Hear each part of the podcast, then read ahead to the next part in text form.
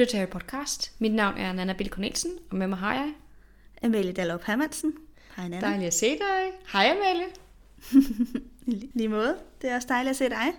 Har du haft en god sommer?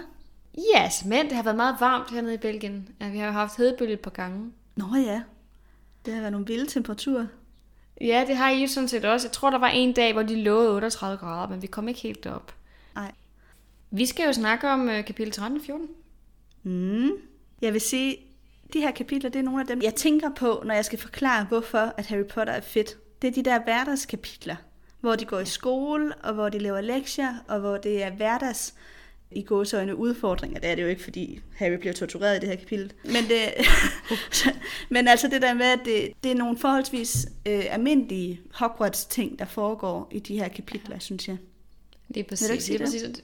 Jo, og det er de der interne relationer mellem, altså, altså i sådan en vennegruppe, og med folk, man ikke kan lide, og med lærer, og alt sådan forskelligt. Det er jo det, man kan relatere til, ikke? Altså især det her med, øh, jeg, jeg læste, jeg tror det var især var mig dit kapitel, det var sådan set også i mit eget, at de har simpelthen så mange lektier, og de er så stresset over alle de der lektier, og de kan ikke finde tid til dem om aftenen, og det, mm. det bragte mig bare sådan tilbage til folkeskole, gymnasie, tiden, hvor at man fik lektier for på den måde. Jeg havde også lektier på uni, fordi jeg havde sprogundervisning, jeg læste jo kinesisk, så der havde man også ligesom, du skal læse den her, det her kapitel, og skal du forberede de her sætninger, eller du skal øve de her tegn. Det er jo lidt mere lektiepræget end for så mange andre, hvor det er sådan, læs tre tekster til næste undervisning gang, ikke? Um... Men altså, de kapitler, vi skal snakke om, det er kapitel 13, der hedder Eftersidning hos Dolora, og kapitel 14, som hedder Percy og... Percy og Køte, tror jeg. Skal jeg lige slå den op? Jeg er lige lidt i tvivl. Ja, men det er øhm. Percy og Køter. Super fint. Yes. Og jeg tænker, skal jeg ikke gå i gang med at lave et resume af kapitel 13? Jo, gør du det.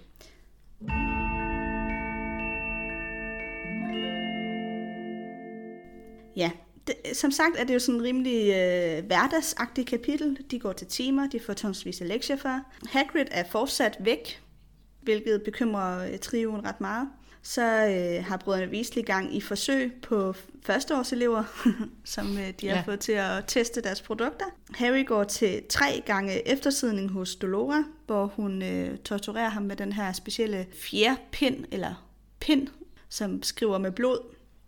Ron udnævnes som målmand på Quidditch-holdet, og Hermione strikker huer til husalferne. Yes. Mit kapitel, der færdiggør Harry sine eftersidninger hos Dolora, og så sender han et brev til Sirius om morgenen, der lørdag morgen. Der øh, går han op i uleriet og sender et brev til Sirius, selvom at Ron og Hermione har sagt til ham, du skal, du skal ikke skrive til Sirius, fordi du risikerer, at, at der er nogen, der opsnapper dit brev. Og det er jo faktisk også det, der er ved at ske. Fordi Filch han kommer op i uleriet og, og prøver faktisk på at tage hans brev fra ham. Han har altså allerede nået at sende det.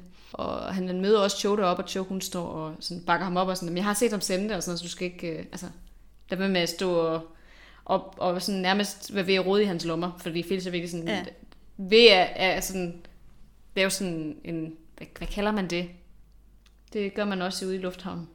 Sådan pat down. Ja, sådan security, security check dernede af Lige præcis, lige præcis, hvor det er, sådan, ja. det er virkelig grænseoverskridende, ikke? og det, det har Phil jo heller ikke nogen autoritet til, men, øhm, men det er han alligevel ret tæt ved. Og det må man jo så tænke, fordi at Madame Norris har har spottet ham på vejen op til uleriet. Ikke?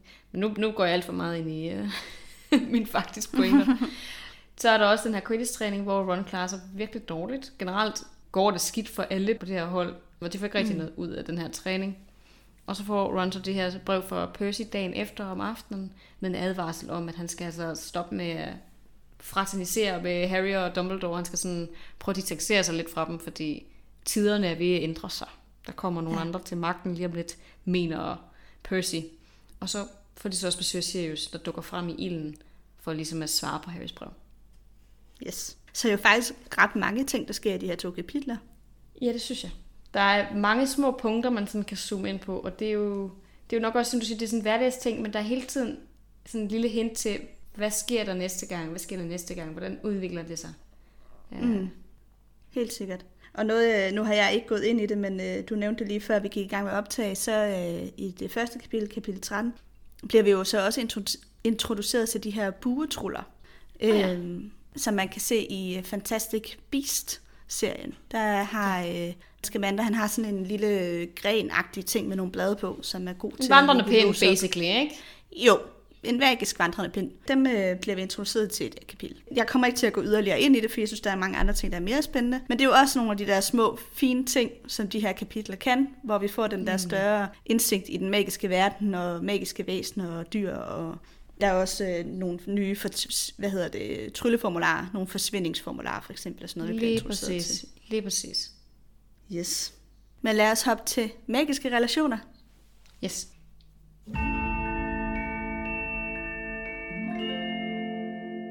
Nidkær straffer jo Harry, og jeg tænker, mange kan nok godt huske den scene fra filmen, hvor han kommer ind, og så skal han, får han den her specielle pind i hånden, og spørger, hvor er blækket, eller der er ikke noget blæk, eller sådan. Og så er hun sådan, det behøver du ikke med den her specielle pind. Og han begynder at skrive med rødt blæk, som jo så er hans eget blod.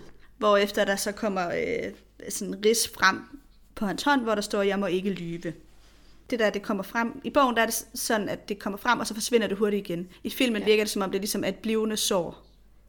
Men i bogen, der heler det ret hurtigt, så det går ekstremt ondt lige, når han skriver, og så heler det. Og så er det ja. selvfølgelig ømt, men det er ikke et åbent sår. Og så skriver han igen, og så sprænger det ligesom op på ny. Så det er ja. sådan hele tiden et nyt sår, han laver oven i, eller hvad man skal sige. Det er, det er ligesom, hvis du ridser med en meget tynd nål, ikke? Du ridser med en Jo. meget tynd nål i, i toppen af din hud, og så kommer så kan du godt altså, få sådan en lille skramme, og så gør du det igen, og igen, og igen, og igen, og igen. Og til sidst, så, så har du så krasset hul, og har så lavet det sted så, ikke? Og det er det, der sker, Jo. fordi han, hvis vi forestiller os, han skriver måske den der sætning 100 gange på en aften, så bliver han ved med at sådan krasse det op. Og ja, mm. hvis, jeg, hvis jeg ikke husker rigtigt, eller øh, hvis jeg ikke husker forkert, så siger han også, okay, hans, hans hud var sådan helet, men den var sådan helt altså, rå, den var sådan helt øm og rød, der hvor, Ja. ja. der hvor han ligesom havde krasset i huden. Og dagen efter, der ser den sådan nærmest betændt ud, men der er stadig ikke kommet noget. Og så sidste aften, der begynder han ligesom at kunne se de der ord, der sådan træder frem. Ja, fordi han er jo til eftersidning mange aftener i træk, og det er rigtigt, det er først til sidst, at man sådan kan se, hvad det er. Ellers så er huden bare rød og irriteret, eller sådan. Nemlig. Ja, Ja, præcis. Det tager lang tid i bogen, før det er, ordene faktisk træder frem. Altså gør det rigtig mange gange, og det er også det, altså der er hendes intention. Det er derfor, hun bliver ved med at insistere på, at han skal komme og skrive de her ord, fordi hun vil gerne have, at han får et permanent minde om, at han ikke Ja. skal lyve, ikke? Jo, præcis. Og noget, der undrer mig lidt, det er, at han fortæller ikke til Ron og Hermione, hvad der sker. De spørger ham begge to, hvad, hvad fandt hun så på, hvad skulle der ske under den der eftersidning? Og han siger bare, at jeg skulle bare skrive sætninger. Altså han slår det ligesom hen, og han vil ikke rigtig fortælle dem, hvad det egentlig er, der foregår. Senere får Ron det så at vide, fordi at de kommer til at snakke om noget, som gør, at Harry tænker, "Nå, okay, nu bliver jeg også nødt til at sige det ærligt. Men i starten, der, der går ret lang tid, hvor han ikke vil informere dem om, hvad der egentlig er, der sker. Og han beskriver det selv i bogen, at det er fordi, at han er bange for, at deres mishag vil gøre, at han får det til at, altså at han kommer til at føle, at det er endnu værre. Mm-hmm. Altså som om, at hvis de ligesom laver et ansigtsudtryk, eller får sagt et eller andet, åh, oh, det går nok forfærdeligt, at han så vil få endnu sværere ved at håndtere det, når han sidder i situationen. Ja, ja, ja. Og det er også det der med, at han, øh, jeg tror, han er sådan lidt, hvis han er sådan stoisk omkring det, og han ligesom bare lader det være den her ting mellem ham og Nidkær, så kan han også ligesom komme igennem det. Der, han skal ikke vise svaghed over for hende, ved at blande alle mulige mennesker ind i det. Han skal ikke informere Dumbledore, han skal ikke informere McGonagall, fordi så går de ind og blander sig, og så vinder hun. Altså det er også Ja. en kamp mellem de to. Der er noget skam i det for ham, tror jeg. Så er den her med, at han vil, han vil ikke, altså han vil godt kunne udstå det, men jeg tror også, at, at han, han føler, det er en ting, der, har, Ja. der involverer de to. Og hun ved godt, hvad det er, hun gør ved ham. Og han ved det også, men, men det er sådan, ja. Jamen det er rigtigt, han vil ikke give hende den tilfredsstillelse, at han har sladret til McGonagall, og hun så får det at vide. Altså det, det, han ser det virkelig som en kamp mellem ham og hende, om ikke at bukke under. Altså, Nemlig. Lige præcis, og jeg tror også, altså han ville jo ikke rigtig få noget ud af det, hvis han sagde det. Altså så ville McGonagall, altså ville hun så sige noget til Dolora? Vil Dumbledore sige noget til Dolora, så ville Ja. det være det? Altså fordi de kan jo ikke fyre hende, de kan jo ikke få hende væk. Hun er jo ikke ansat ej, men på jeg tror, de vilkår. ville kræve, at hun ikke brugte den form for afstraffelsesmetode.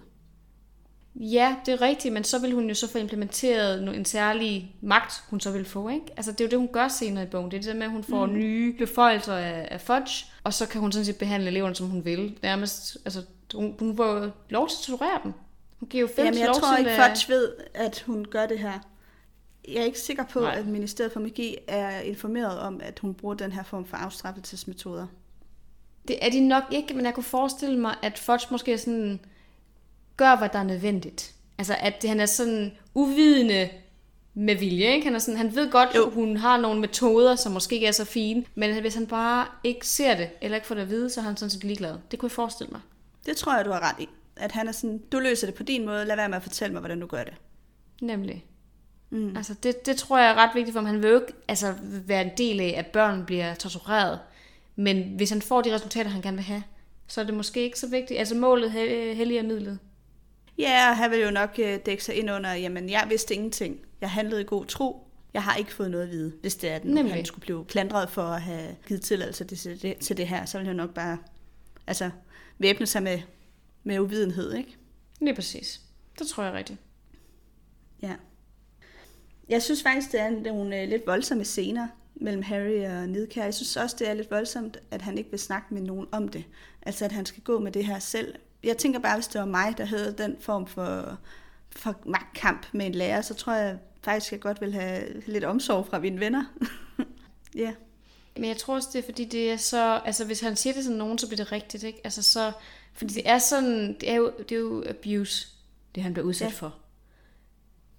Hvis du siger det til nogen, og uanset hvilken form for mishandling det er, så bliver det mere rigtigt, så er der ligesom, du skal begynde omverdenen også at forholde sig til det. Så længe det kun er dig selv, så kan du måske bedre gøre sig om, at det ikke er så voldsomt.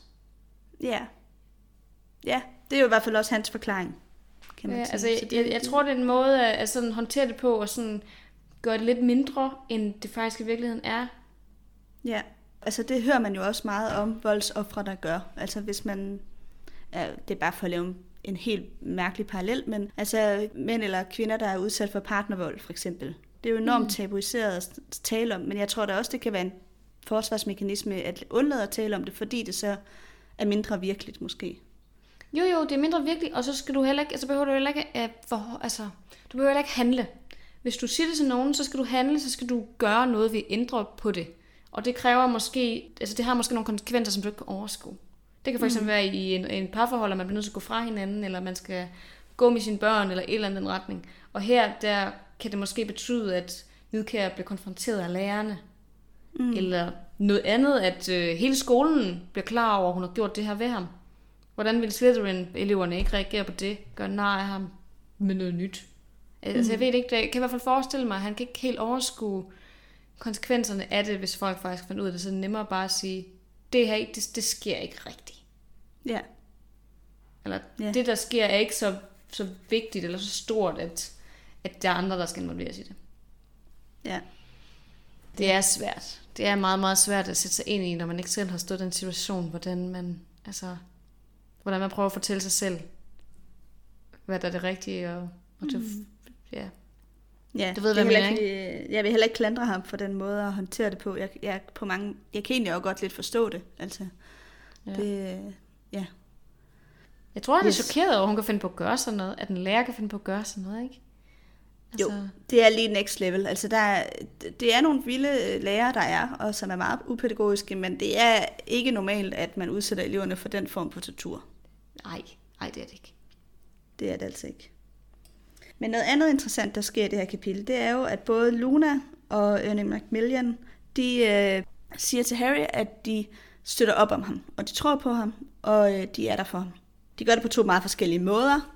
Øh, Ernie, han, han er sådan meget selvophævdende, eller sådan, han taler meget som om, at nu er det noget Meget helt vildt. ikke? Er meget højtidligt, og bekender ligesom sin tro til Harry på sådan en, som om han er lidt mere, end han er. Eller sådan, jeg ved ikke, hvordan jeg lige skal Han laver en lille minitale, ikke? Altså han stiller sig op, og så siger han meget sådan, Ja. bare så du ved, så bekender mig og min familie også til dig, og vi tror på dig, og vi tror på Dumbledore. Altså foran alle, hele hans Ja. ja. klasse, der, der gør han ligesom et lille sådan show ud af det.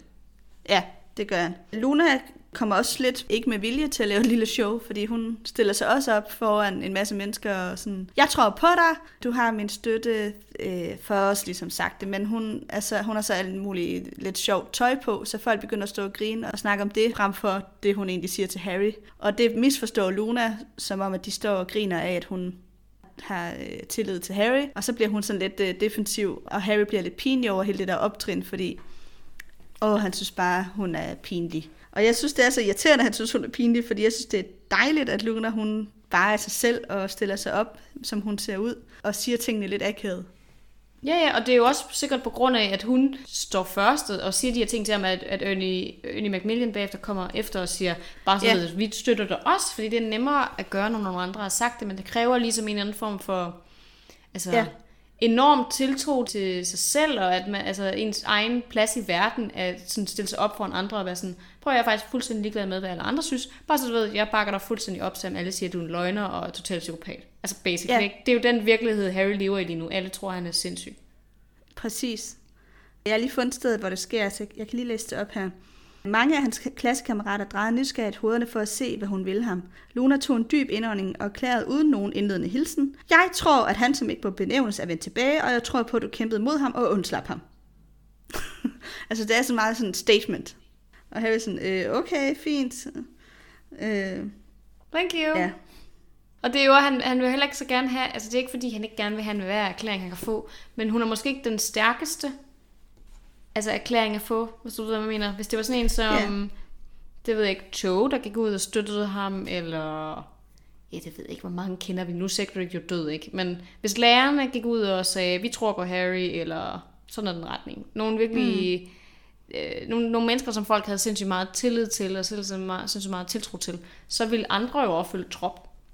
Ja. Men så længe det er sådan som Luna, så er det sådan, hun er jo underlig i forvejen. Hun tror jo ikke på noget, som er virkelig alligevel. Det er det, hun, det siger Hermione jo også. Altså, hun er jo sådan en, der tror på de der crumped, crumphorn, snorlaxer, eller hvad, jeg kan ikke huske, hvad det hedder. Ja, der det ting. er blibber, blibber humding og krumhornet snokbøffel, Ja, ja, ja. hun tror på. Lige præcis. Den der krumhårende snokbøffel, den kommer også tilbage i syveren. Men det kan vi snakke om på det tidspunkt. Ja. Men, men det, det der med, at hun tror på ting, der ikke findes, at det er ligesom kriteriet for hende, at hvis der ikke er nogen andre, der tror på det, så tror hun på det. Mm. Det er jo Ja. ikke godt for Harry. Men samtidig er Harry jo også altså, glad for det, fordi Hermione, hun fornærmer han ligesom, og så siger Harry, så, altså, vil du ikke lade være med at fornærme nogle af dem, der tror på mig? Eller det er nogle af de eneste, der tror på mig. Så han er jo også glad for, at Luna, hun kommer til ham. Det er bare ærgerligt, at han er pinlig over hende, synes jeg. Altså, det. Ja. det er ærgerligt, at han ikke bare tager hende, som hun er, eller sådan, tænker så meget over, hvad alle de andre elever tænker.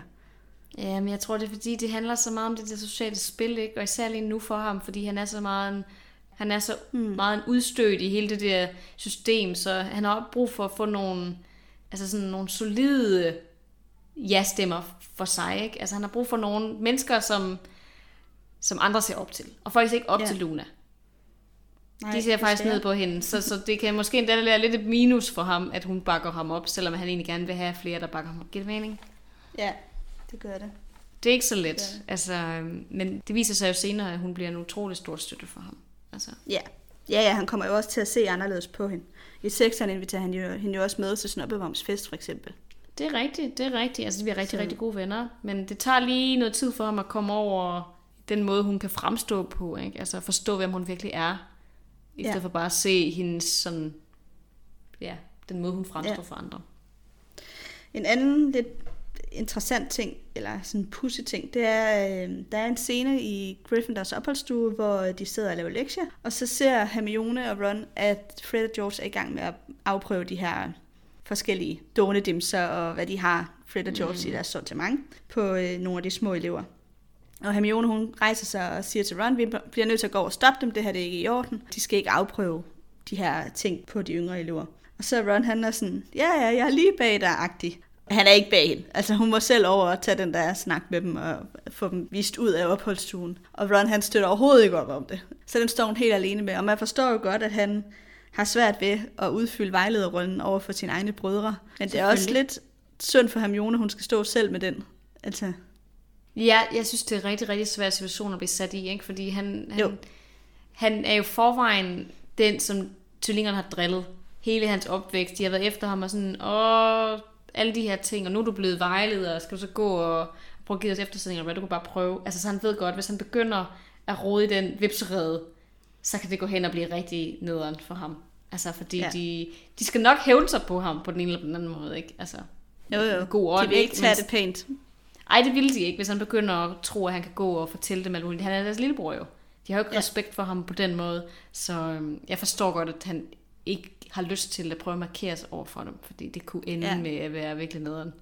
Ja, ja, altså, jeg, altså jeg, alle kan jo forstå Ron i den her situation. Det er jo ikke, det er jo ikke ja. sjovt at skulle gå over og sige sådan til Nej, dem. til sine brødre. Altså, men, men Hermione gør det godt, og det er jo rigtigt nok. Altså, det der med, at- at de skal ikke udsætte altså, nogen for fare, fordi det gør de jo faktisk i mit kapitel.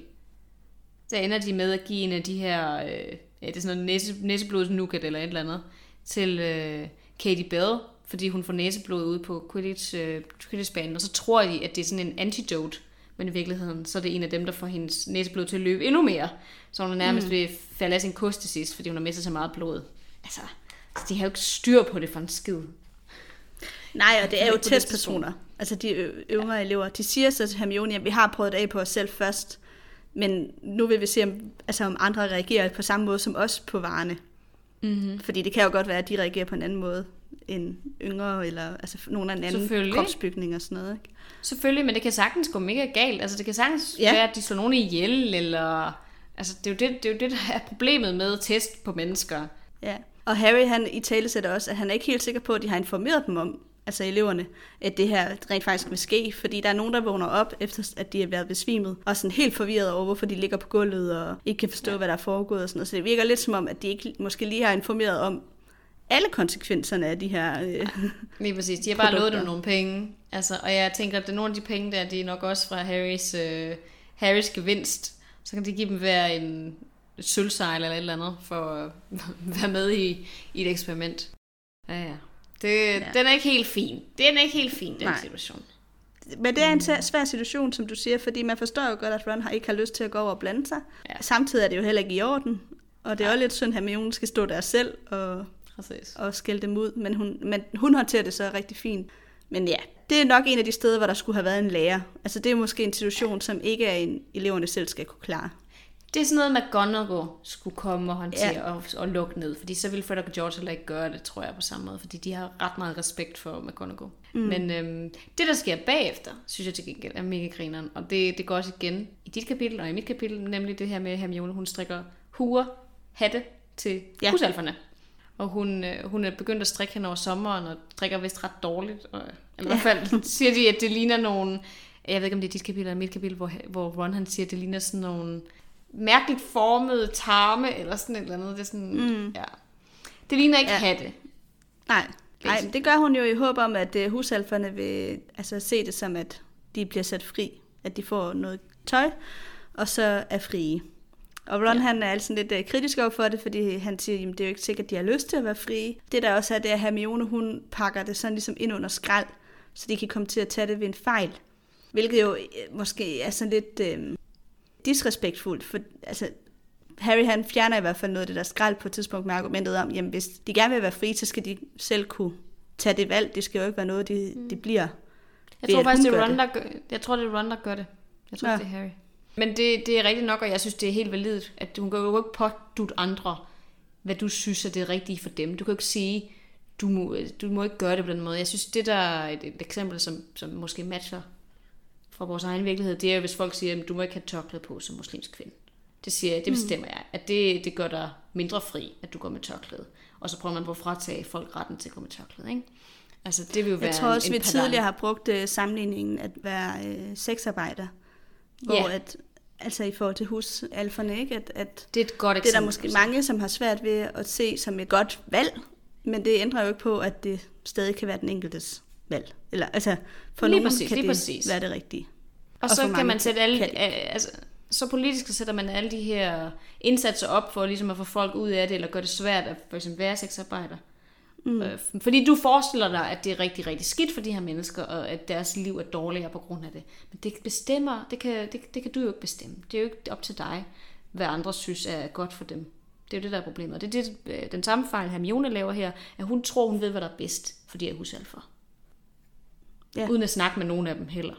Og for nogle er det nok også bedst at være fri. Så for sådan nogle Ja. som Dobby for eksempel, og andre, der minder om Dobby. Og for andre, der er det ikke det bedste. Altså, flere af dem vil ikke, har ikke lyst til at skulle være frie. Nej, lige præcis. Lige præcis. Det er meget, meget interessant. Jeg synes, det, det er en spændende, sådan, spændende dilemma, J.K. Rowling har puttet ind i den her sådan lille mini-historie. For det er jo sådan en lille sidehistorie. Altså, Altså det er jo ikke Ja. noget, der fylder meget i bøgerne, men det dukker alligevel op her. Hist og pist, og jeg synes, det, det er et rigtig interessant dilemma. Ja, det er det. Det sender i hvert fald nogle rigtig øh, interessante tanker i gang om vores, vores verden, og ma- hvor mange steder vi jo også ofte kan måske have tanker om, hvad der er bedst for nogen, uden mm. egentlig at høre dem, om det også er det, der er bedst for, altså om det også er det, de selv synes er bedst for dem. 100 procent. Ja, og en sidste ting, jeg tænker, vi lige skal drøfte i forhold til, til den her, det her kapitel, det er, at øh, ja, de går til meget undervisning, og det, der er fælles for den undervisning, de går til, det er også, at lærerne fortæller dem, at øh, nu er det tid til, at de skal have gode karakterer.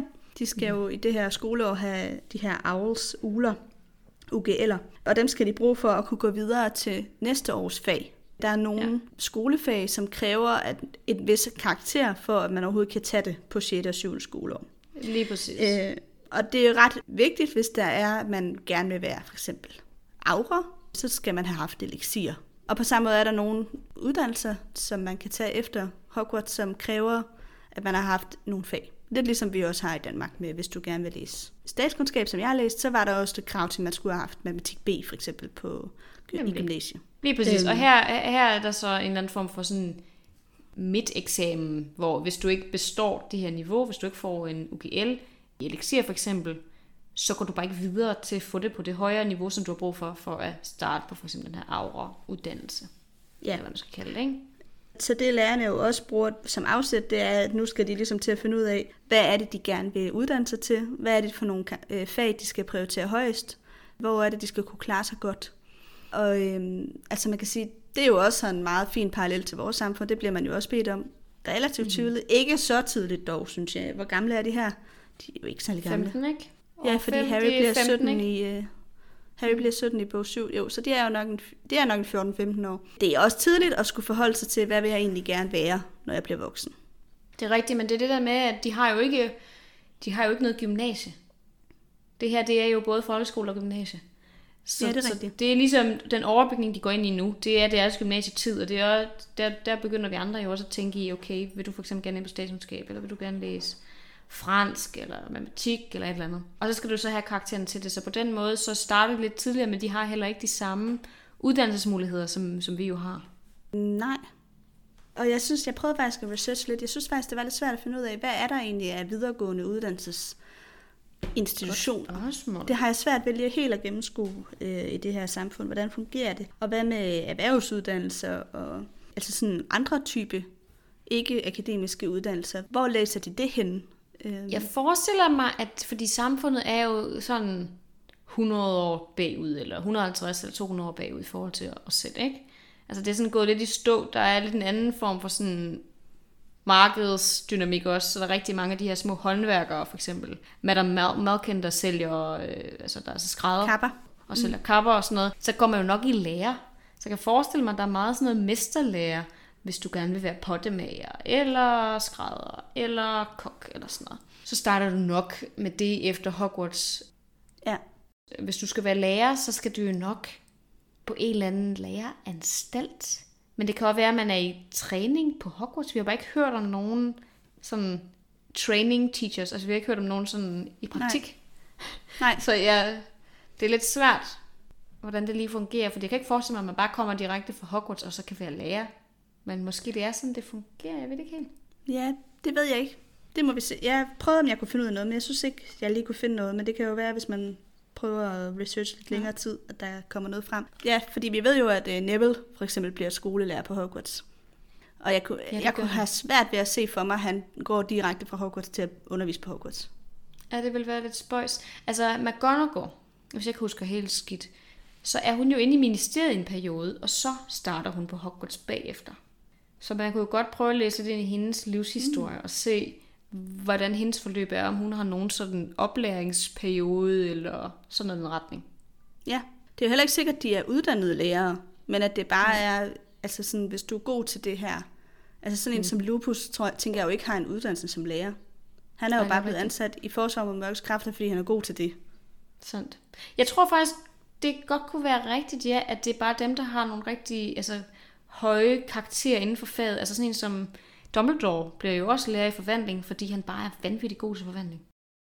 Jeg, jeg tror, der er en anden form for sådan akademisk geschæft, man kan have også, fordi øh, Dumbledore forsker jo også. Altså han har jo forsket i øh, det her drageblod blandt andet.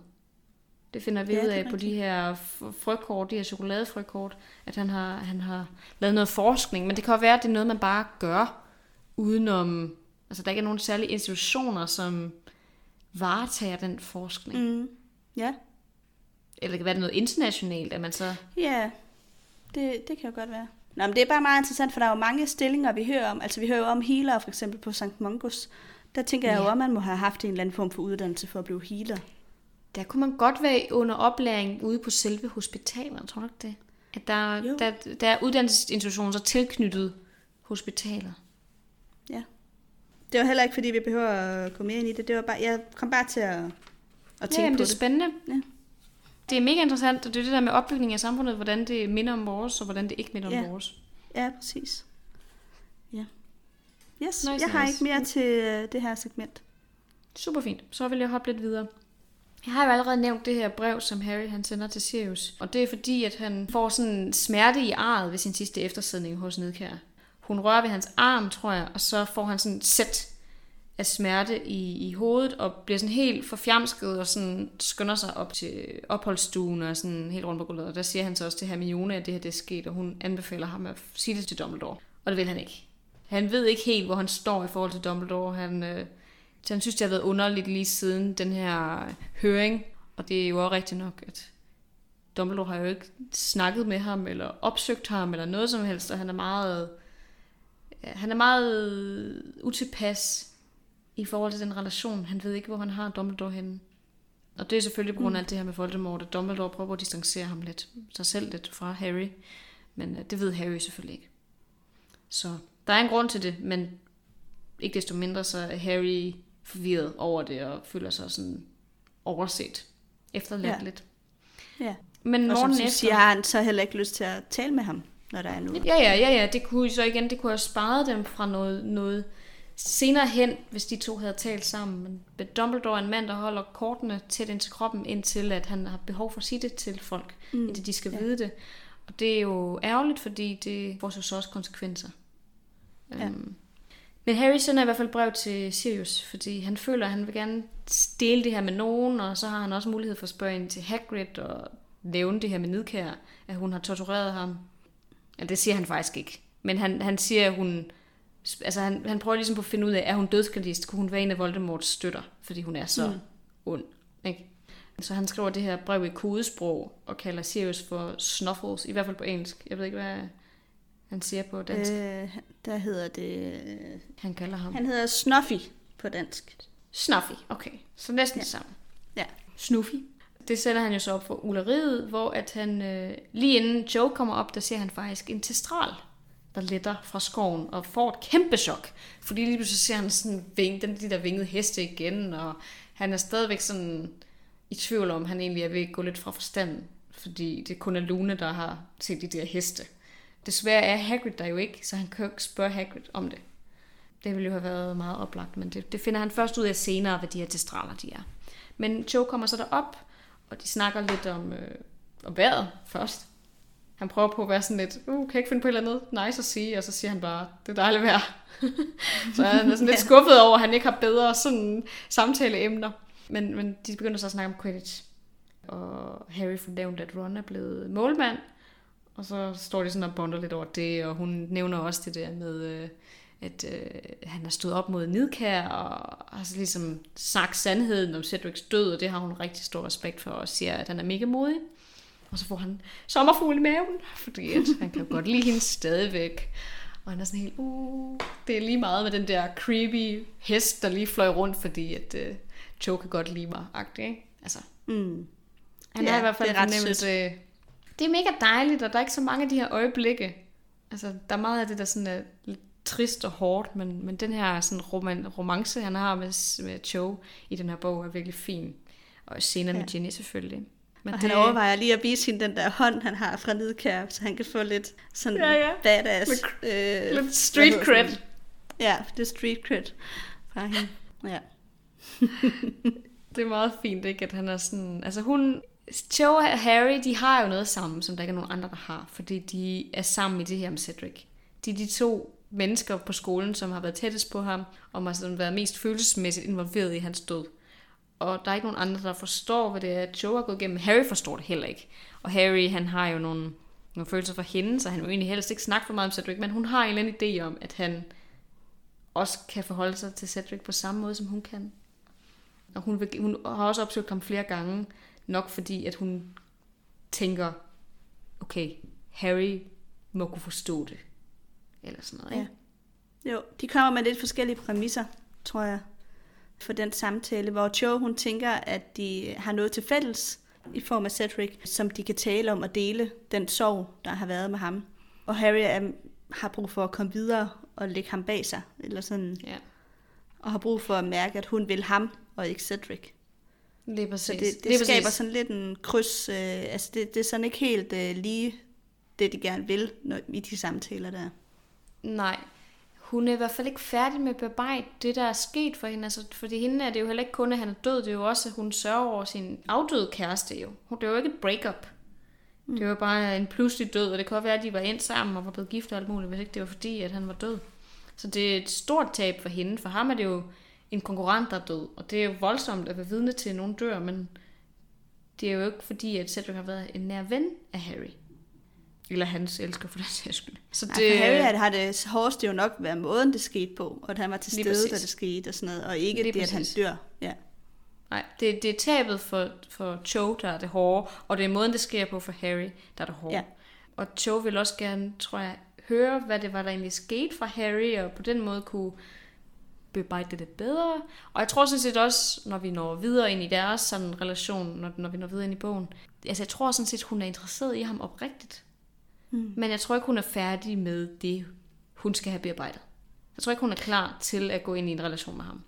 Nej, hendes følelsesliv er måske lidt mere kompliceret, som følge af de her ting, der er sket.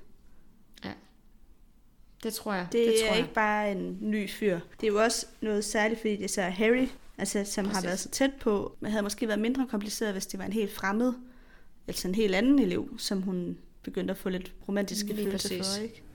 Det tror jeg er uden tvivl af, af tilfældet. Men øhm, for at hoppe tilbage til det, der sker, så, øh, så kommer Felix jo op i uleriet mm.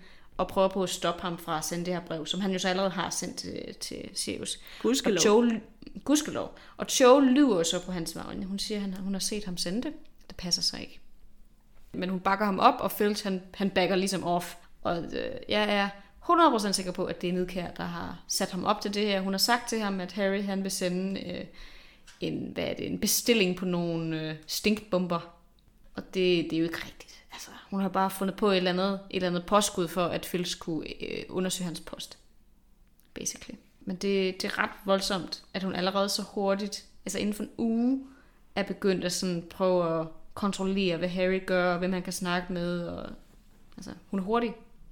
Ja, hun er meget hurtig. Meget kontrollerende. Meget kontrollerende.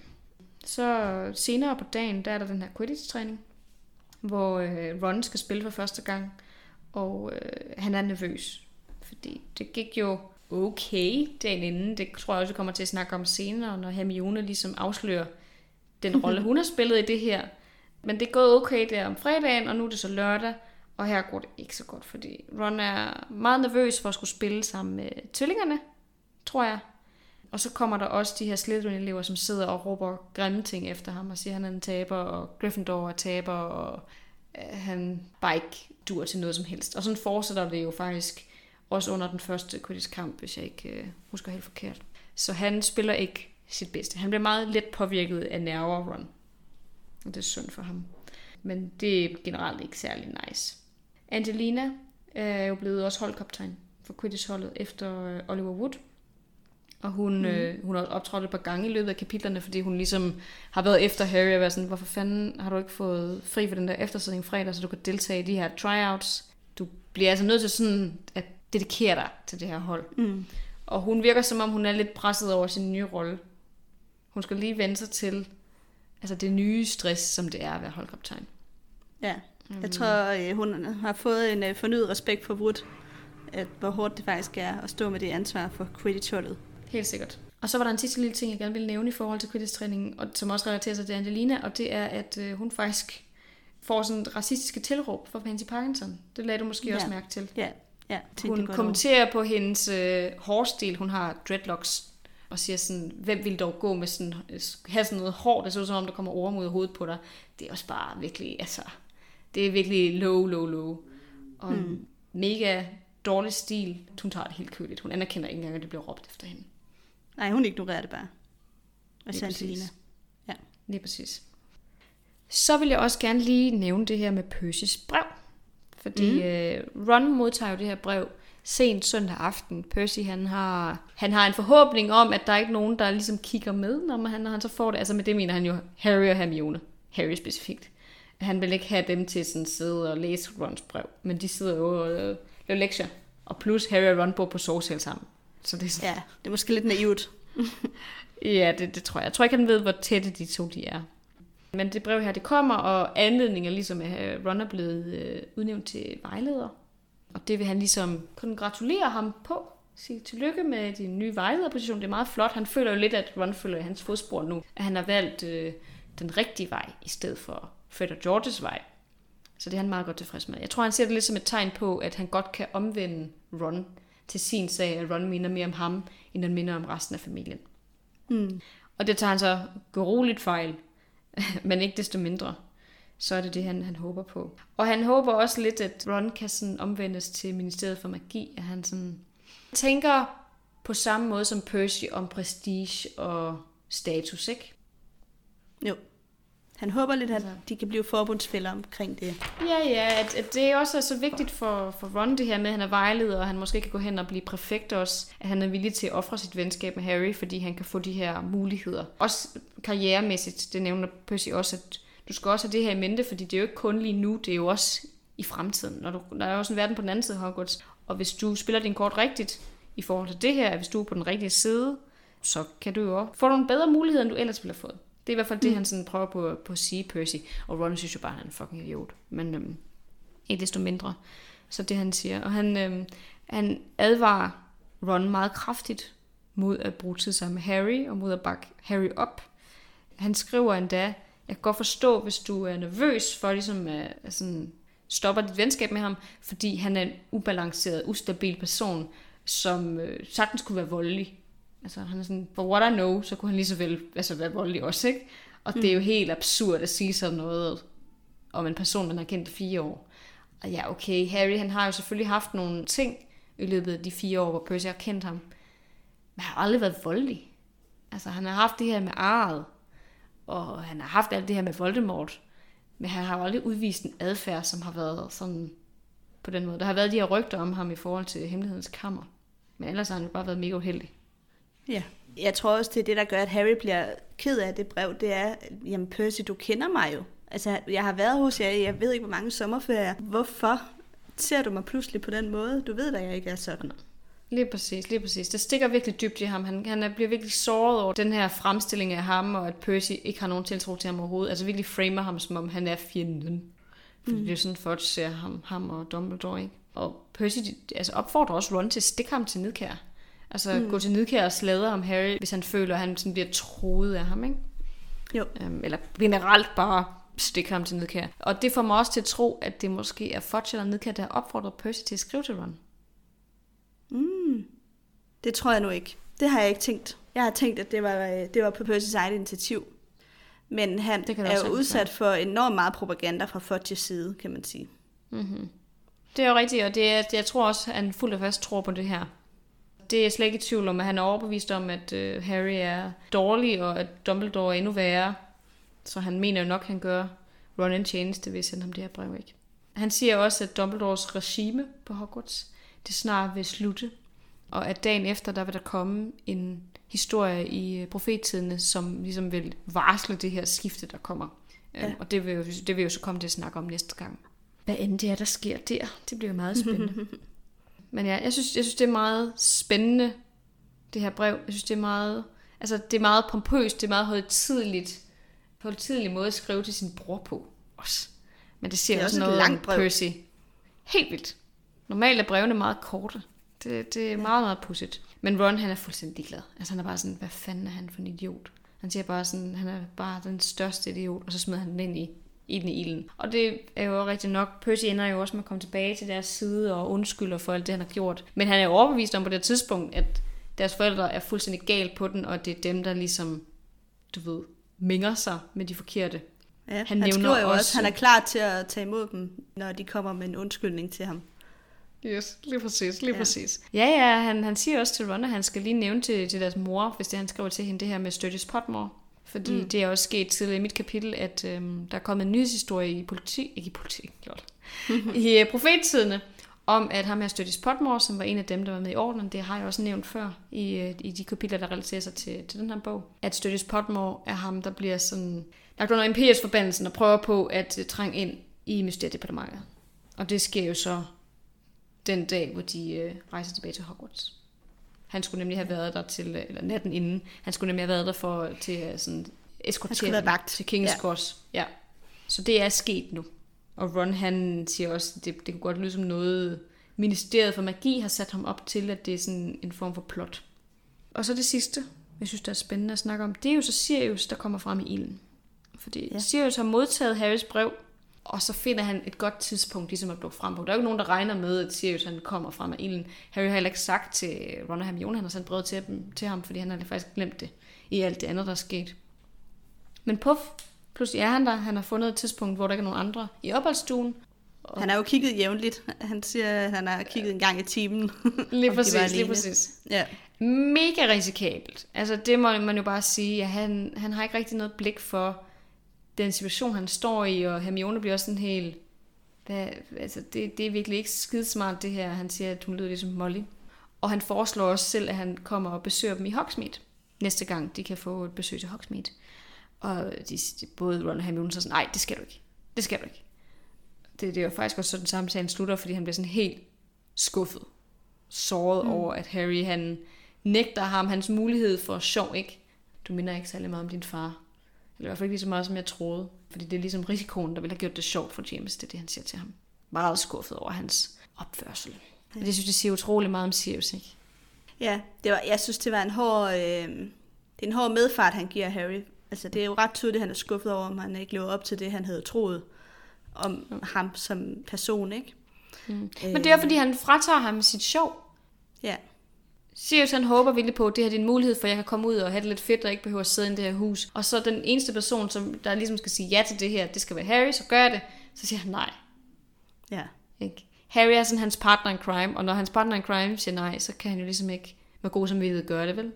Nej. Og på den måde, så tror jeg også, altså nu dør han jo senere i den her bog, det håber jeg ikke er for stor en spoiler for folk, men Sirius han dør jo til sidst. Og jeg tror faktisk, den måde, han forlader verden på, den måde, han, han dør på, egentlig passer ham ret godt. Ja. Hvis du forstår, hvad jeg mener. Ikke? At det, han, han vil bare gerne være et menneske, der lever livet vildt og har nogle fede oplevelser. Han kan ikke holde ud altså stille. Altså jeg tror faktisk hellere, han vil dø, end at leve den form for liv, som han har levet, mens han har været låst inde i det der hus. Mm. Altså i det mindste, så går han ud på en måde, hvor han altså, er i kamp, og der sker noget, og han forsvarer dem, han elsker. Og jeg ved ikke, det er ikke bare Jamen, lige det op er for rigtigt. mig. Det, er en, det er en meget værdig måde, han dør på. Han dør i kampen Ja. ja. for at redde Harry. Ja, det gør han, og han, får, at han synes også, det er fedt. Han synes, det er fedt at komme ud, og der sker nogle ting, og der er fare, og der er risiko. Han bryder sig ikke om den her venteposition. Ikke, jeg tror, altså han vil jo ikke gerne dø. Det er ikke det, jeg siger. Men jeg tror, at, at den måde at forlade verden på, er den, han gerne vil gå ud på. Mm. Ja. Han er jo i en form for fængsel stadigvæk. Selvom han er kommet ud af Azkaban, så lever han jo en meget isoleret tilværelse derhjemme med Kræ, som han hader. Og er i det der hus, som han er dybt traumatiserende for ham, og der er ikke rigtig nogen, der vil fortælle ham noget. Så det er bare det, Harry sender ham det der brev, er jo et lyspunkt, fordi der sker noget, ikke? Nemlig. Så han mangler simpelthen noget stimuli af en eller anden art. Og øh, det havde han jo nok håbet, der ville komme nu med Harry. Og det kommer der så nok ikke helt i den form, han havde håbet på. Nej, nej, nej. De siger bare til ham, du skal, ikke, du skal ikke gøre det her mere, og det er jo det, der er problemet. Han, det er jo derfor, han træffer de valg, han gør, fordi han er simpelthen bare, han røvkeder sig. Og ja. han, han kan slet ikke holde det ud. Derfor han er så, du ved, impulsiv. Han er restløs. Totalt rastløs. Det er, ikke, en- det er ikke den rigtige situation at putte ham i, og det er jo det, Dumbledore skal, skulle have set, at du kan ikke bare låse ham herinde. Det er jo ikke det rigtige at gøre. Nej, og han, altså Sirius er jo i hvert fald rimelig tydelig omkring, at han tager gerne de risici, der er forbundet med at komme ud. Han har ikke noget imod at blive fanget. Hvis Nej. det, altså, han har ligesom gjort op, jeg vil hellere komme ud og leve mit liv, end at være låst fast herinde i sikkerhed. Nemlig. Det, han kan slet ikke holde ud. Han kan slet ikke holde ud. Altså, det synes jeg bare, det, det bliver meget tydeligt her, i den sætning her, som, som man siger til Harry. Men han fortæller jo også nogle ting, altså nogle af de ting, som Harry havde øh, stillet spørgsmål til, blandt andet det her med nedkær. Er hun dødsgardist? Nej, det er hun ikke, informerer han, han Harry om, men, men det betyder ikke, at hun ikke er et dårligt menneske. Hun har blandt andet øh, lavet den her varulvelovgivning, som har haft konsekvenser for, øh, for Lupin. Hun har også prøvet på at lave en eller anden form for registrering af, dyndfolket. Altså det siger også noget om hende og hendes had til halvmennesker. Jeg kan ikke huske, hvad det, det hedder. Nej, menneskelignende væsener. Jamen, jeg er ikke sikker på, at det er det, der er den rigtige betegnelse, men øh, der er sådan en eller anden ja, kategorisering. Præcis. Men øh, den der varulvelov, bare lige til dem, der ikke kan huske, det er, at øh, hun får indført, at varulve ikke må have jobs. Ja. Så derfor har Lupus jo selvfølgelig ikke noget job, og har svært ved at klare sig økonomisk og sådan noget. Ja. Lige præcis, lige præcis.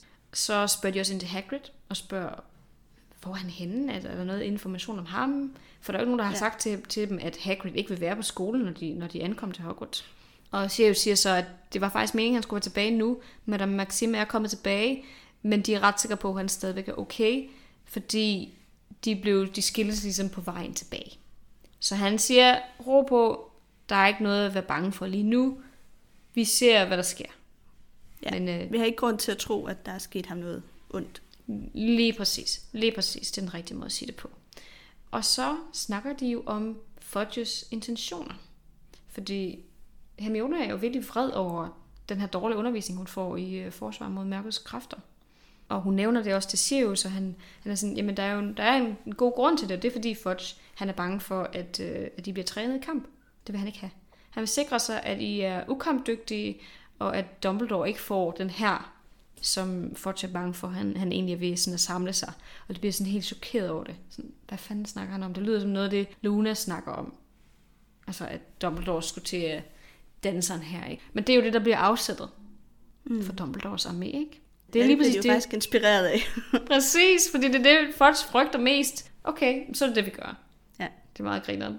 Det var bare lige det, jeg havde, sådan set. Spændende. Mange gode øh, refleksioner. Der er mange gode ting i de her kapitler. Ja, der var virkelig, virkelig meget, og der var også mere, man kunne have snakket om, men altså, vi kan jo heller ikke øh, sidde her i tre timer. Nej. Så øh, lad os gå videre til fri leg.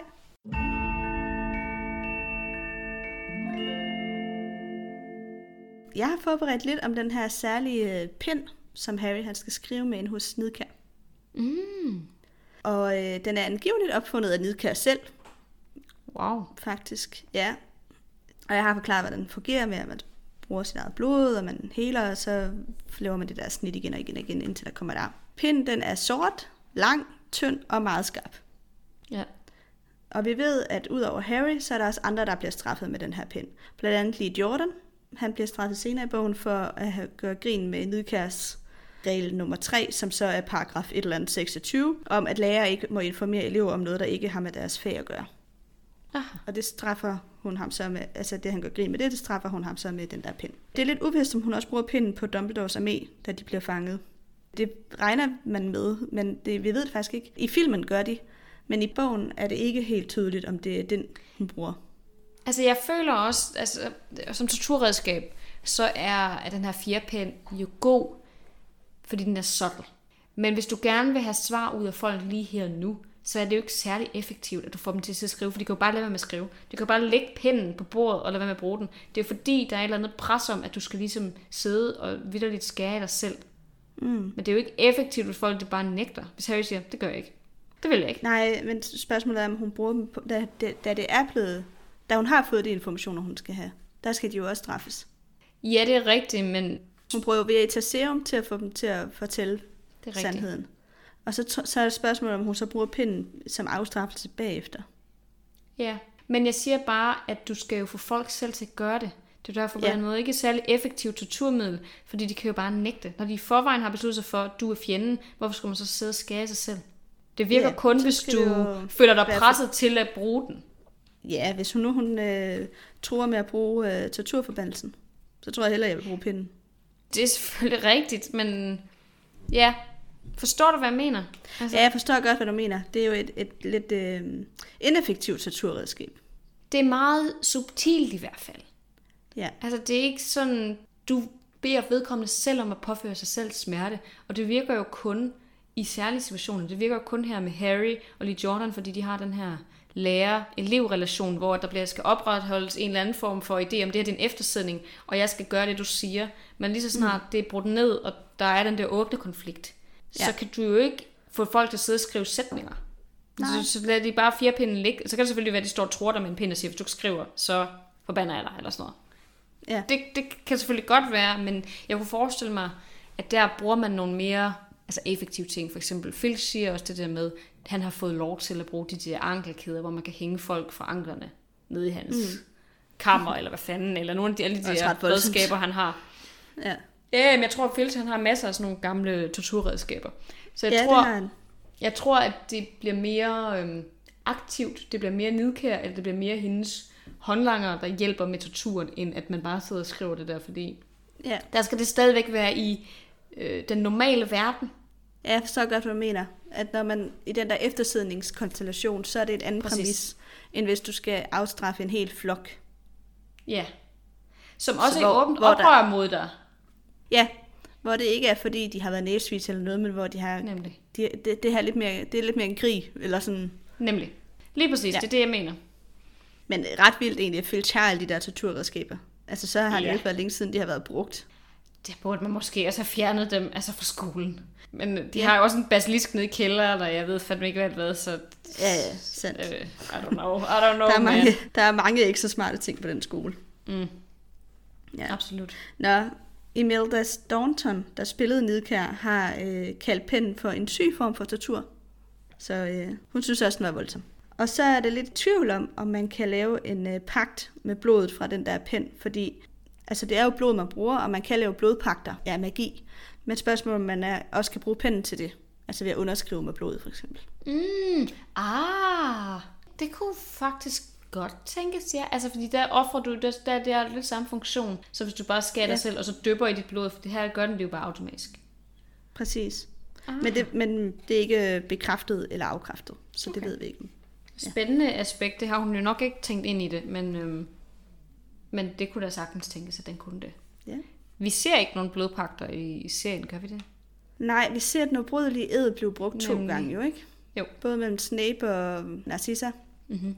Og mellem uh, Malfoy og Voldemort. Malfoy og Voldemort? Ja. Virkelig?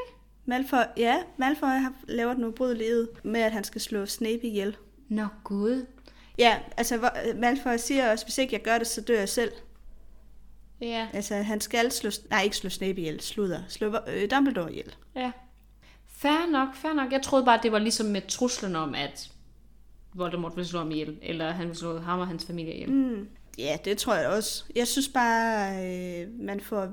Ja, det er selvfølgelig rigtigt. Jeg har bare tænkt, at han også har lavet den brydelige ed med ham. Det kan da godt være. Men øh, det, der, det kan da også bare være med truslen, ja, selvfølgelig. Nå, det ved jeg faktisk ikke så. Vi ser den i hvert fald minimum en gang blive brugt. Ja, mellem Narcissa og Snape. Præcis, ja. præcis. Yes. Har yes. du mere, eller? Ja. Det, det kan du tro. Jeg har en lille ting om testraler, fordi nu havde vi dem mm. jo sidste gang, kort, gang før det. Men vi snakkede ikke om dem, fordi det var kun lige det her, det her første møde med Harry og testralerne.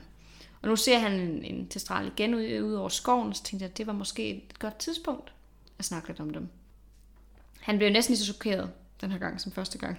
Men han bliver stoppet lidt i det her, fordi Jojo kommer op og forstyrrer ham, så han er sådan lidt befippet. Fordi han lige har set den der skelet hest basically flyve rundt. Men øh, testraler er bevingede heste med sådan skelektagtige kroppe. De er sådan helt sorte og med huden spændt ud over deres krop, så de ser sådan meget skeletale ud, eller man skal kalde det. Ingen kød på kroppen overhovedet. Og så har de sådan et draglignende hoved, lidt reptilagtigt hoved, med også kæmpe store flagermusevinger, med sådan også læderhud, der er spændt ud over. Så det er basically en flagermusehest, føler jeg lidt. Mm. De har ikke nogen fjer. Der er andre former for bevingede heste i den her verden, der har fjer. Men de har altså bare flagermusevinger i stedet for. De bliver anset for at være farlige af Ministeriet for Magi. De har kategoriseret dem som den her kategori, kategori 4. Så øh, der er øh, lovgivning for, hvordan man må have testraler, hvordan man skal forholde sig i forhold til testraler. Altså fordi Hagrid har jo en flok, som tilhører skolen. Det er sådan domesticeret testraler, det er dem, der trækker vognene. Og man kan jo godt have dem som troldmand, men man skal hele tiden gå og putte de her besværgelser på dem, der sikrer, at mokler ikke ser dem. Basically. Mm. Det er meget, meget vigtigt, at der ligesom bliver holdt styr på de her domesticerede flokke, ifølge ministeriet i hvert fald. De har et dårligt ry, og det er jo fordi, man kun kan se dem, hvis man har set døden i øjnene, hvis man har mødt døden, oplevet nogen, der, der dør omkring en. Og de bliver tiltrukket af lugten af blod og kød. Så altså, de er sådan lidt creepy, ikke? Mm. Altså, det er jo ikke deres skyld, kan man sige, man kunne se dem, når man har set døden, men det er jo med til at måske at give dem sådan lidt et særpræg, at, øh, ja. at de bliver forbundet med noget ret øh, ja. voldsomt. Lige ja. præcis. Det gør de nemlig, og bliver optaget som et dårligt varsel et dårligt tegn, når man ser dem, fordi det folk, der ser dem, er nogen, der har set nogen, der dør, og så tænker oh, nej, er det fordi, du selv skal til at dø, eller hvad, hvad betyder det? Så der er en masse overtro omkring de her testraler også. Det gør det jo så heller ikke bedre, vel? Så der er rigtig meget mm. stigma forbundet med dem, og rigtig mange, altså, rigtig mange dårlige ting. Folk, de har alle mulige tanker om, hvad de er for nogle skabninger. Og i virkeligheden er de faktisk nogle ganske stille og rolige heste. Altså, de opfører sig basically som heste. De går rundt i flokke, og de er meget lojale. Du kan bruge dem som transportmiddel det bruger de jo ved de her, altså, de her kareter. Men Harry og, og hans venner, de flyver jo også ind til Ministeriet for Magi, mm. senere den her bog, på de her testraler. Og det er generelt anvendt, at man godt kan have testraler som sådan køretøj, flyvetøj. Ja.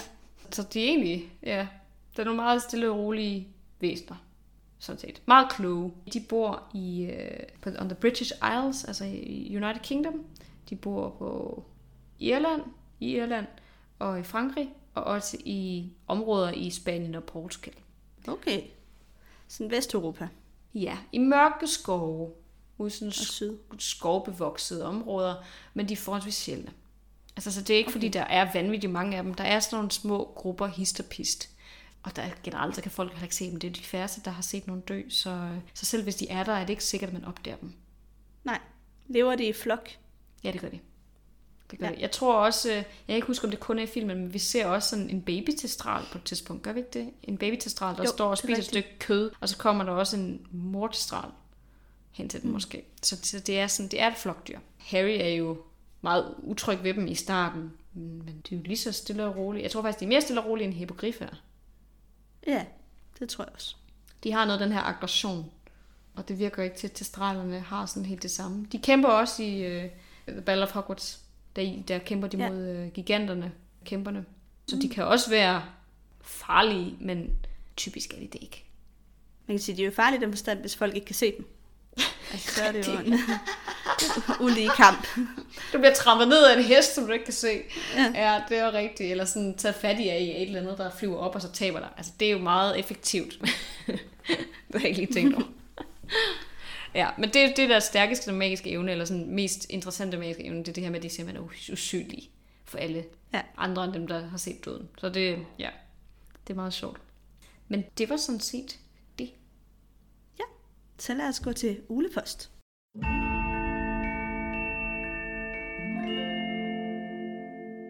Det første spørgsmål, det er fra en, der hedder Christoffer som skriver, tror I det er meningen, at Harry skal finde den bog i Elixir, der tilhørte Snape?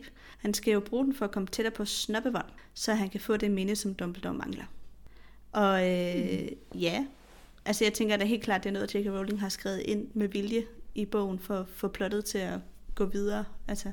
Jeg tror, det menes mere som om, at det var plantet der måske. Nå, på den måde. Om det... Ah, så om, om Dumbledore har plantet den bog måske. Ja. Hmm. Ja, det, det, ved, det, det ved jeg sgu ikke. Er det så gennemtænkt? Dumbledore er jo en, sådan lidt en dukkefører i nogle henseender. Ja, det er han. Men jeg føler også, det er meget tilfældigt, at lige er Harry, der får den bog. Altså, det kunne lige så vel have været Ron. Ja. Men så er spørgsmålet, om selv hvis det havde været Ron, om Harry så alligevel havde lånt den og kigget i den. Ja, det kan godt være. Det kan, altså, ting er jo, så vidt jeg husker, der ligger en forholdsvis ny bog, og så ligger der en gammel bog, der er slidt, ikke? Og så, så slås de lidt om, hvem der skal have den slidte bog, og hvem der skal have den nye bog, og Ron ender så med at få den nye bog. Øhm, ja. Ja. Så det er fuldstændig tilfældigt, at det er Harry, der får den. Og han deler heller ikke med Ron, at der er de her særlige besværgelser i den, som, eller de her sådan markeringer. Og det ved jeg ikke, om Ron ville have gjort med Harry. Omvendt, om han ville have delt det med Harry, hvis det var ham, der havde haft den. Jeg ved heller ikke, om han overhovedet ville være begyndt at følge de der sådan nye vejledninger, der står i bogen fra Snape. Det kan være, at han bare ville følge det, der står skrevet. Altså en Jeg tror ikke. Ron blive lige så fascineret af den bog, som Harry bliver. Jeg tror Harry det. han bliver sådan helt optaget af den bog der. Ja, det, det tror jeg også, det er, fordi han ser det potentiale. Han begynder ligesom at følge de der nye vejledninger, og det går op for ham, at, at det er virkelig effektivt, og det er meget mere rigtigt, ja. end det, der står i den originale bog. Ja. Jeg ved, jeg ved det sgu ikke. Det er et godt spørgsmål. Det, det kunne være sådan en enten eller. Jeg tror ikke umiddelbart, den er plantet der. Jeg tror, det er et tilfælde. ja. Det er bare mærkeligt, at der ikke er andre, der har fundet den bog før sig. Det er sandt. Det er sandt. Jeg kan vide, hvordan Altså, den det er kunne jo også være et argument for, at den er plantet. Altså, at Dumbledore har været nede og lægge den. Sandt. Altså, fordi det er jo nok en bog, som har stået på Snapes kontor. Jeg kan ikke forestille mig, at Snape vil putte den der ned. Det tror jeg heller ikke. Men skolen er også et særligt sted. Altså nu har vi fornødenhedskammeret, hvor ting dukker op, som man har behov for og sådan noget, ikke? Så jeg ved ikke, om selve skolen i sig selv også kan rykke rundt på ting. Maybe not. Uh, vil, vil du, altså Nej, sådan, det tror jeg ikke. Jeg, jeg tror, efter vi lige har snakket om det nu, så tror jeg faktisk, at det er Dumbledore, der har været nede og lægge den. du tror, Dumbledore har lagt den der? Okay. Ja, fordi Harry og Ron, de kommer jo som de sidste på holdet. De, er sådan lidt, de troede ikke, de skulle have elixir, og så skal de have elixir alligevel. Og så ligger der de to, to bøger som de eneste, de kan tage. Det virker sådan lidt for tilfældigt, til at jeg godt kunne forestille mig, at Dumbledore har været nede og lægge den bog der. Jamen, det kan selvfølgelig godt Og hvis, og hvis så ikke, at, at Harry han fik den, eller hvis nu det var Ron, der havde fået den, så havde han nok fundet på noget andet. Ja, det er rigtigt. Det er rigtigt. Jamen, der er, der er i hvert fald der er noget, der tæller for. Der er nogle indicier. Ja, der er nogle indicier. Ja, det er rigtigt. Godt. Næste spørgsmål, det er fra en, der hedder Ingrid, som skriver, hun elsker vores podcast. Tak Ingrid. Og så skriver vedkommende, jeg har undret mig over, hvornår man får sit første brev, hvor der står, at man er optaget på Hogwarts. Får man det på sin 11-års fødselsdag, en måned før, eller noget helt tredje? Hmm. Og det har jeg researchet lidt på. J.K. Rowling har været lidt inkonsistent her. Hun skriver på Pottermore, at både Harry og McGonagall får deres breve på deres fødselsdag, hvilket indikerer, at det er normalt, at man får brevet på fødselsdagen. Mm. Men McGonagall, hun har fødselsdag om efteråret, så det er jo lang tid før skolestart. Ja. Og de første breve til Harry, de kommer jo faktisk inden hans fødselsdag. De kommer jo sådan en uge inden, Det er faktisk begynder de rigtigt. første uger jo at komme. Det er bare først den 31. juli, at Hagrid finder ham og giver ham brevet. Så det viser jo, at det, altså, at det ikke er normalt nødvendigvis, at man får brevet på sin fødselsdag. Ja. Det er jo det der med, altså hvis vi siger, at McGonagall, hun har fødselsdag i, nu kan jeg ikke huske hendes måned, men hvis vi siger, at hun har fødselsdag i november, får hun så brevet på sin 11-års fødselsdag, og skal hun vente indtil næste års skolestart. Fordi de har jo ikke vinteroptag. øh, Ja, det har J.K. Rowling sagt. Jeg tror bare, hun har glemt, at hun har fødselsdag om efteråret, da hun sagde det. Altså, jeg tror ikke, McGon- eller jeg tror ikke, J.K. Rowling lige har været helt konsistent her omkring det med de datoer. Nej. Det kan godt være, så jeg du tror, mener, hun rundt i det. Ja, så hvis man siger, at jeg har fødselsdag i januar, så får jeg brevet, så skal jeg vente indtil selvfølgelig september til, at, øh, til start. Og hvis du har fødselsdag i november, så skal du også vente til september næste år. Mm. Basically. Det vil jo være det, der gav mening, ja. hvis det skal være koblet op på fødselsdagen i hvert fald. Ja, men i og med, at Harry jo faktisk heller ikke får det første brev på sin fødselsdag. Han får det jo også en uge før sin fødselsdag. Så synes jeg ikke, så giver den teori jo heller ikke rigtig mening, at man får brevet på sin fødselsdag. Nej, det er rigtigt. Altså, så skal det være fordi, at man siger, at alle de børn, der fylder 11 i år, de får senest brevet en måned inden skolestart. Så senest den 31. juli. Ja, ja senest Ja. den 31. juli, fordi at de skal have en måned til at forberede sig. Ja, Så dem, der har fødselsdag den- i november, de får stadigvæk brevet den 31. juli, fordi de skal kunne nå at komme med. Så har du nogle mm. helt unge børn, der måske kun er 10 år, og så har du nogen, der er fyldt 11 allerede. ja. Men man kan sige, vi hører jo også Petunia, der siger, at Lily får brev på sin 11-års fødselsdag. Mm. Nu kan jeg ikke huske, hvornår Lily har fødselsdag. Men pointet er nok bare, Jack Rowling har ikke været helt konsistent her. Nogle Ej, får det- brev på for deres fødselsdag, og nogle gør ikke. Det er ikke helt gennemtænkt, nej. Hvis jeg skulle sige noget, så tror jeg, at de får det der i slutningen af juli. Så de har tid til at nå at handle de varer, de skal, og alle får det at vide på nogenlunde samtidig. Det vil jeg gætte på. Ja. Jeg synes i hvert fald, det andet det virker underligt, at man får det at vide måske et helt år efter, eller inden det er, du skal starte. For du, du får det jo ikke at vide i november, og så starter du i november sent.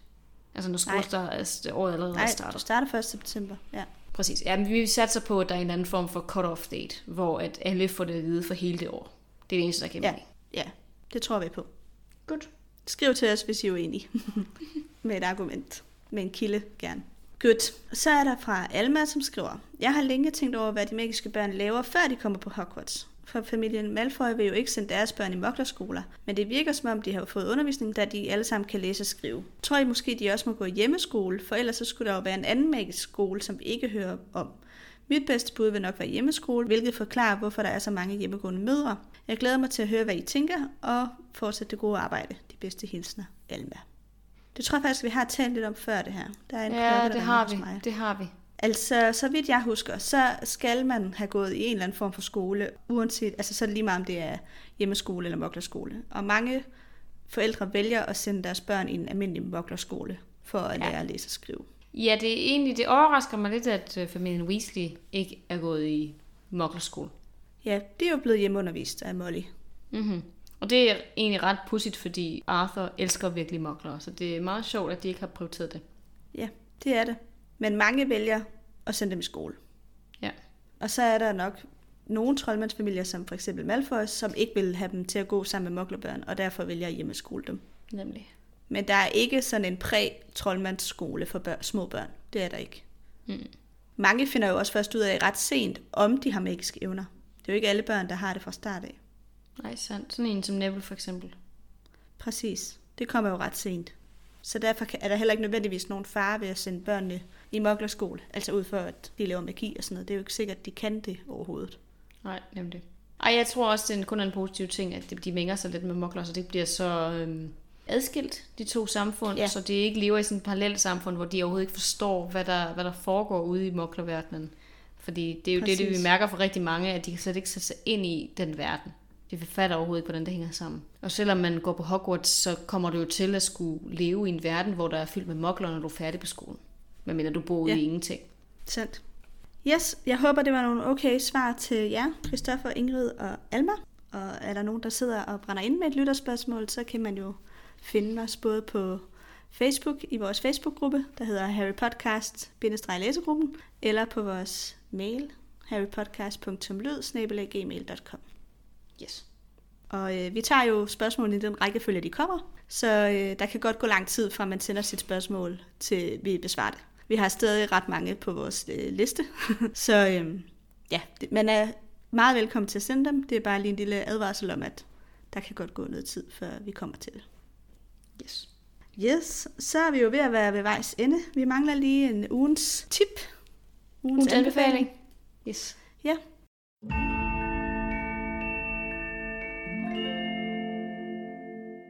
Og jeg har sådan tænkt tilbage på, hvad har min sommer gået med? Nu er det min sidste feriedag i dag. Jeg har sådan lidt ferieblues.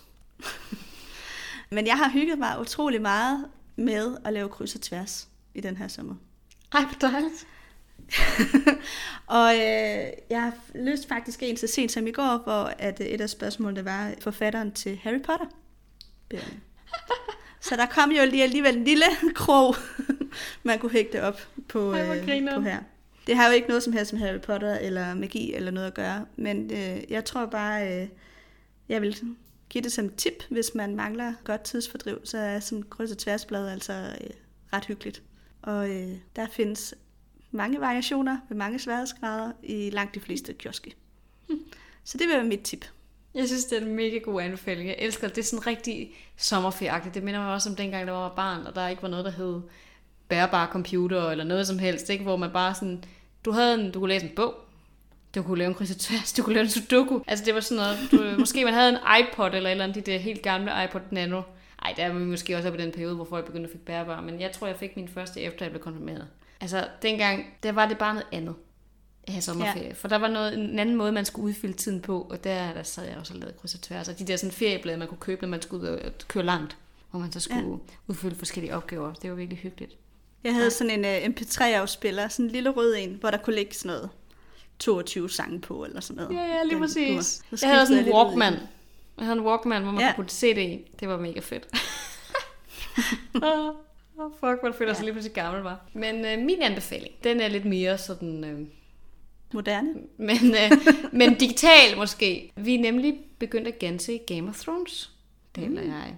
Fordi Daniel har aldrig set den. Vi prøvede på at se den for nogle år siden, da vi først begyndte at være kærester. Jeg kunne simpelthen ikke holde ud at se det med ham, fordi han kunne ikke huske, hvad folk hed. Altså, så vi fik Nu set... giver det et shot igen. Ja, nu giver vi det, nu giver vi det skud igen. Og det går rigtig godt, at vi er næsten i slutningen af sæson 3.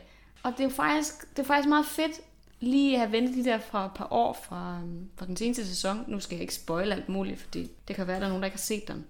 Det har de fleste nok, men ikke desto mindre. Så var de sidste sæsoner ikke så gode af forskellige årsager. Vi var lidt skuffet. Dem af os, der så dem, vi så den jo sammen, Amalie og jeg, du og jeg. Så jeg har egentlig holdt lidt en pause for Game of Thrones, fordi det var sådan, det efterlod sådan lidt en bittersød smag i munden. Men nu tænkte jeg, vi prøver igen. Og det er faktisk et rigtig dejligt gensyn, synes jeg. Dejligt. Nu kommer der jo også snart en øh, ny, hvad hedder sådan noget, spin-off på Game of Thrones. Det gør der nemlig. Med, det gør der nemlig. Jeg tror, den hedder House of Dragons eller sådan noget. Den handler mm. om Targaryen-familien fra før øh, Game of Thrones, som jeg jeg forstår. Lige præcis, jeg tror det er helt rigtigt. Den, øh, den skulle også være virkelig... Altså nu, nu er den jo kommet ud endnu, så jeg kan ikke ved ikke, om jeg kan anbefale den. Men jeg, det, det synes også, den ser rigtig fed ud. Så den skal vi også ja. se, tænker jeg, når vi er færdige med det her. Og det jo meget, det jo meget fedt lige at komme tilbage og genbesøge sådan en, sådan en serie, fordi jeg havde lige fået sådan en... Øh, Game of Thrones. Det er træls. Det er jo ikke sådan, at man mindes på den måde med glæde, på grund af hele den måde, det endte på. Altså har du ikke haft det på samme måde som mig? Ej, jeg, jeg tror, jeg synes ikke, at det var helt lige så træls, som du gjorde. Jeg, jeg kunne godt lide de sidste sæsoner også. Jeg synes ikke, det var lige så gode som de første. Hmm. Men jeg synes ikke, at det har ødelagt noget for mig. Jeg har også genset Nej. serien efterfølgende. Jeg synes, okay. jeg synes stadig, at den holder. Jeg synes i hvert Men, fald, øh, altså det vi har set indtil videre, der er virkelig bare sådan, de der præstationer, som skuespillerne har lavet, altså især Nikolaj Koster er virkelig god. Mm, han gør det godt. Jeg vil sige, jeg glæder mig til, at øh, de næste sidste bøger kommer. Ja, det gør jeg også. Det gør jeg også. Øh. Så skal de genlæse serien. Har du genlæst den? Jeg, jeg har kun læst øh, dem, der er udkommet en gang. Ja, samme Men- her. Jeg kan også godt finde på at læse dem igen, fordi jeg har fået lidt blod på tanden for serien igen, efter at vi er begyndt at se den. Fordi den Ja. er sgu god. Det er den. Så det var sådan set øh, min anbefaling. Yes. A blast from Fedt. the past. Så lad os øh, finde vores citater. Yes.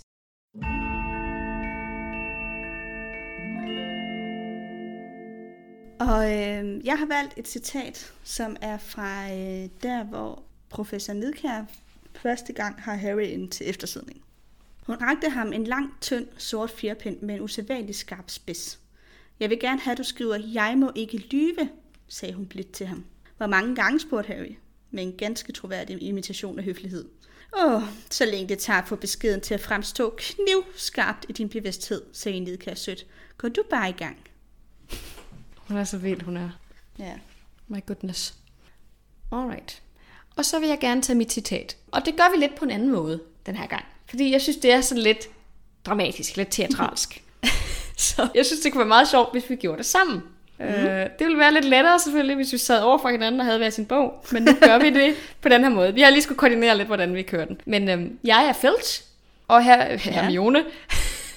Og Amalie er, er Harry og Cho. Og det er oppe i uleriet, hvor Filch ligesom anklager Harry for at øh, have bestilt de her bomber. Okay, så jeg skal læse Harry og Cho. Lige præcis. Yes. Og læser du så også øh, det, altså, det indimellem? Jeg læser, jeg læser øhm, de sætninger, der rela- ja, jeg læser alt det andet, og så siger, læser du de sætninger, der, altså, hvor for eksempel sendt se Harry roligt. Så læser du Yes, det. jeg er med. Godt. Godt nok. Okay. Aha! Sagde Filch og vraltede et skridt frem mod Harry, mens hans posede kinder dirrede vrede. Jeg har fået et tip om, at du agter at sende bud efter et stort læs stingbomber. Harry lagde armen over kors og stirrede på modellen. Hvem har sagt, at jeg har sendt bud efter stinkbomber? Cho så fra Harry til Filch og rynkede panden. Slørulen på hendes arm blev træt af at stå på et ben og udstødte en advarende tuden, men hun ignorerede den. Jeg har mine kilder, væsede Filch selvtilfreds. Aflever straks, hvad du vil sende. Lykkelig over, at han ikke havde smølet med at sende sit brev afsted, sagde Harry. Det kan jeg ikke. Det er allerede sendt. Sendt, sagde Filch, og hans ansigt fortrak sig af raseri. Sendt, sagde Harry roligt. Filch åbnede rasende sin mund og mimrede lydløst i nogle sekunder, før han kastede et skarpt blik ned over Harrys gevanter. Hvordan kan jeg vide, at du ikke har det i din lomme? Fordi jeg så ham sende, sagde Cho forret. Filch vendte sig edderspændt mod hende. Du så ham. Det er rigtigt. Jeg så ham gøre det, sagde hun hissigt. Der var et øjebliks tavshed, mens Phil stirrede vredt på Cho, og Cho stirrede vredt tilbage på ham. så chokkede pedellen hen til døren igen. Han stansede med hånden på dørhåndtaget og kastede et blik tilbage på Harry. Hvis jeg fanger så meget som den mindste fjert, er en stinkbombe. Ej, jeg, jeg føler ikke helt, at jeg var så god en skuespiller, fordi jeg havde jo ikke lige fanget, hvordan de sagde det. Så jeg siger bare, sendt, sagde hun roligt. Nå. Jo, men der var også et Jeg så udråbstegn, ham ikke? det, sagde hun, sagde hun bredt. Jeg så ham sende det.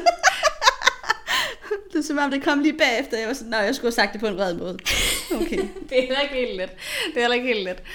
Nej, men øh, næste gang. Gør så, vi det så en laver gang vi et til. bedre skuespil. Ja. Så jeg lige forberedt mig på mine replikker.